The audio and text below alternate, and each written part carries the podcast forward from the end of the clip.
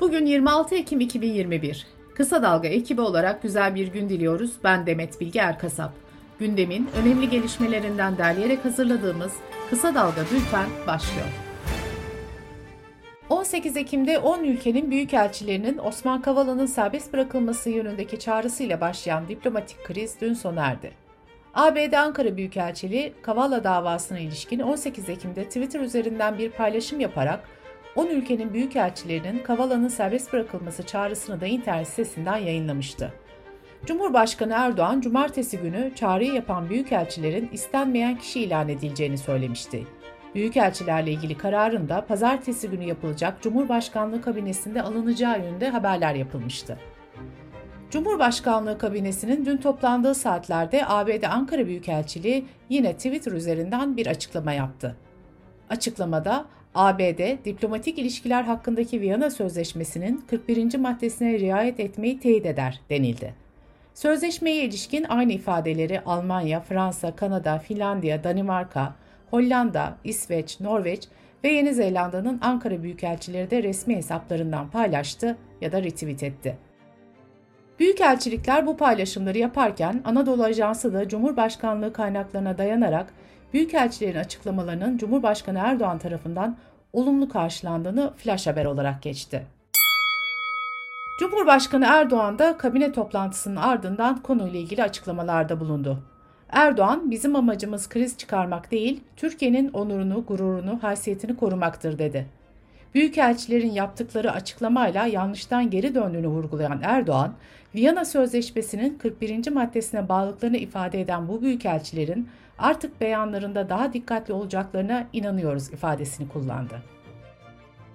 Peki büyükelçilerin tweetlerinde yer alan Viyana Sözleşmesi'nin 41. maddesi ne diyor? Bu maddede özetle diplomatların anılan devletin kanunlarına ve nizamlarına riayet edeceği, devletin iç işlerine karışmayacağı belirtiliyor. Maddenin birinci fıkrası aynen şöyle.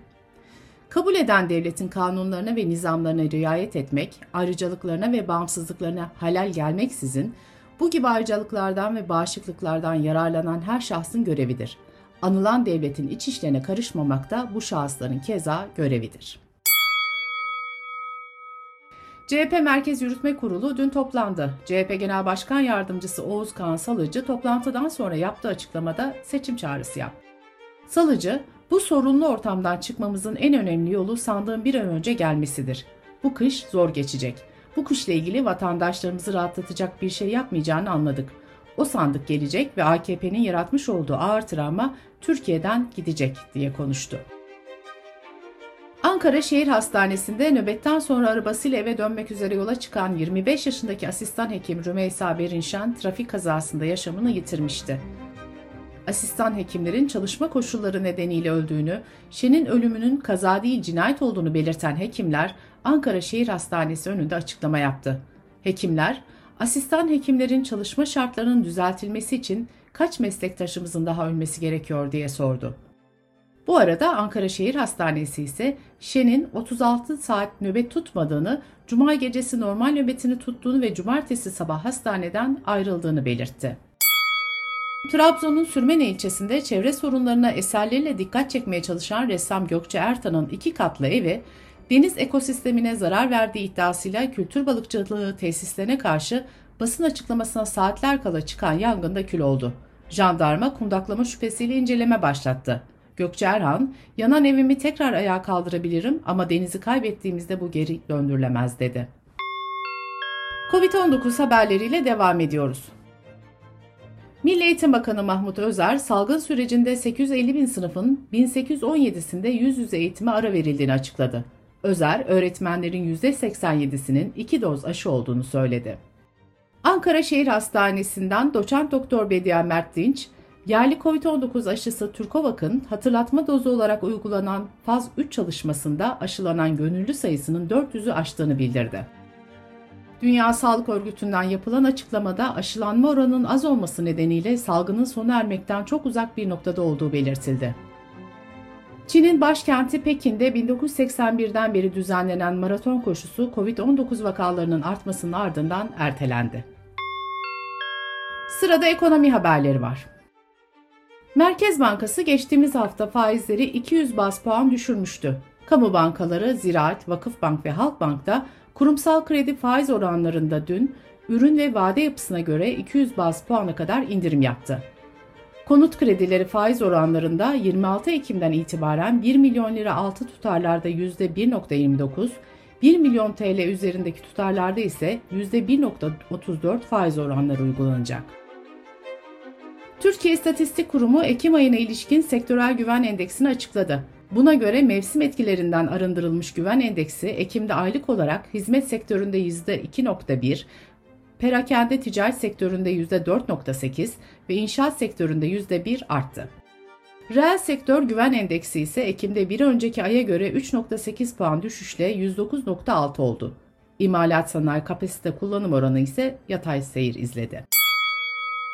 Petrol Ürünleri İşverenler Sendikası benzinin litre fiyatına 44 kuruş zam uygulanacağını duyurdu. Zam bugünden itibaren uygulamaya girdi. CHP Uşak Milletvekili Özkan Yalım madeni paraların basımındaki maliyeti araştırdı. Buna göre 1 kuruşun basımında 26 kuruşluk maden kullanılıyor. Hesaplamaya göre 5 kuruşun maden maliyeti 28 kuruşa, 10 kuruşun maliyeti 31 kuruşa, 50 kuruşun maliyeti de 66 kuruşa yükselmiş durumda. 1 TL'nin maden maliyeti ise 79 kuruş olarak hesaplandı. Türkiye İstatistik Kurumu tahminlerine göre bu yıl tahıllar ve diğer bitkisel ürünlerle sebze üretimi gerileyecek. Tahıl üretiminde %15 azalma yaşanacak, arpada ise gerileme %30.7'ye ulaşacak. Tarım ve Orman Bakanı Bekir Pakdemirli 28 Ekim'e kadar yoğun olarak gıda denetimleri yapacaklarını açıkladı. Bakan Pakdemirli, 81 ilde 7300 gıda denetçimizle denetim yapacağız.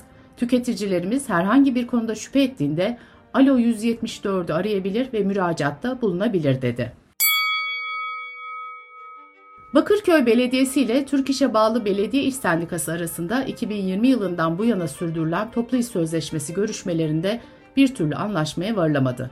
Bakırköy Belediye Başkanı Bülent Kerimoğlu'nun sıfır zam teklif ettiği işçiler belediye önünde yaptıkları basın açıklamasıyla greve başladıklarını duyurdu.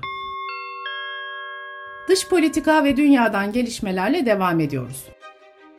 Geçici hükümete karşı protestoların sürdüğü Doğu Afrika ülkesi Sudan'da Askeri Geçiş Konseyi Başkanı Orgeneral El Burhan, ordunun yönetime el koyduğunu ve geçici hükümetin feshedildiğini açıkladı. Ülkede sıkı yönetim ilan edildi. Sudan'da 2019'da ülkedeki protestoların rejim karşıtı eylemlere dönüşmesi üzerine ordu yönetime el koymuş ve 30 yıllık Ömer el-Beşir dönemi sona ermişti. Askeri Geçiş Konseyi ile muhalif sivil koalisyon 39 ay sürecek geçici ortak yönetim üzerinde uzlaşmıştı. Ekonomik sorunlarla siyasi bölünmüşlük ülkede protestoların yeniden alevlenmesine neden oldu. ABD ve Avrupa Birliği gelişmeleri endişeyle izlediklerini açıkladı. Türk Dışişleri Bakanlığı'nın açıklamasında ise tüm taraflarca geçiş sürecinin sekteye uğratılmaması yönündeki güçlü beklentimizi vurguluyoruz denildi. ABD Meksika sınırında son 12 ayda 1 milyon 700 bin kişiyi gözaltına aldı. Bu kayıtlara geçen en yüksek sayı oldu. ABD Gümrük ve Sınır Koruma Dairesi'ne göre bu kişilerin 1 milyonundan fazlası sınır dışı edilerek Meksika'ya geri gönderildi. Amerikalı yetkililer bu kişiler arasında yanında ebeveyni bulunmayan 145 bin çocuğun olduğunu da belirtti. Birleşmiş Milletler'e bağlı Dünya Gıda Programı Afganistan'ın hızla insani bir krize doğru sürüklendiğini duyurdu. Dünya Gıda Programı nakit para akışının kesildiği, fonların dondurulduğu Afganistan'da gelecek ay nüfusun %60'dan fazlasının yeterli gıdaya erişimi olmayacağını vurguladı ve acil önlem alınmasını istedi. Afganistan'da yoksullara iş imkanı sağlamak amacıyla hayata geçirilecek bir projede çalışacak işçilerin her birine günlük 10 kilo, mühendislere ise 16,5 kilo buğday verilecek. Taliban yönetimi Kalkınma Ajansı Başkan Yardımcısı Riyazettin Şerif'i bu projeyle 40 bin kişiye istihdam sağlayacaklarını söyledi. Rusya'da WhatsApp, Telegram, Signal gibi internette anlık ileti gönderme platformlarına kimlik bildirimi zorunluluğu getiriliyor. Bilgileri kayıt altında olmayan kişiler mesajlaşma hizmetinden yararlanamayacak. Uygulama bir yıl sonra başlayacak. Bültenimizi kısa dalgadan bir öneriyle bitiriyoruz. Urfa, Batman ve Siirt'te aylardır süren altyapı ve üst yapı çalışmaları var. Kimi kentlerde elektrik telleri yer altına alınırken kimi kentlerde de içme suyu atık su kanalları yeniden onarılıyor. Metin Yoksu kentleri dolaştı, çalışmaların geldiği aşamaları yerinde inceledi ve tozdan korunmak için pencereleri dahi açamayan yurttaşlarla konuştu. Kısa Dalga.net adresimizden okuyabilir, YouTube kanalımızdan haberimizi izleyebilirsiniz. Gözünüz kulağınız bizde olsun. Kısa Dalga Medya.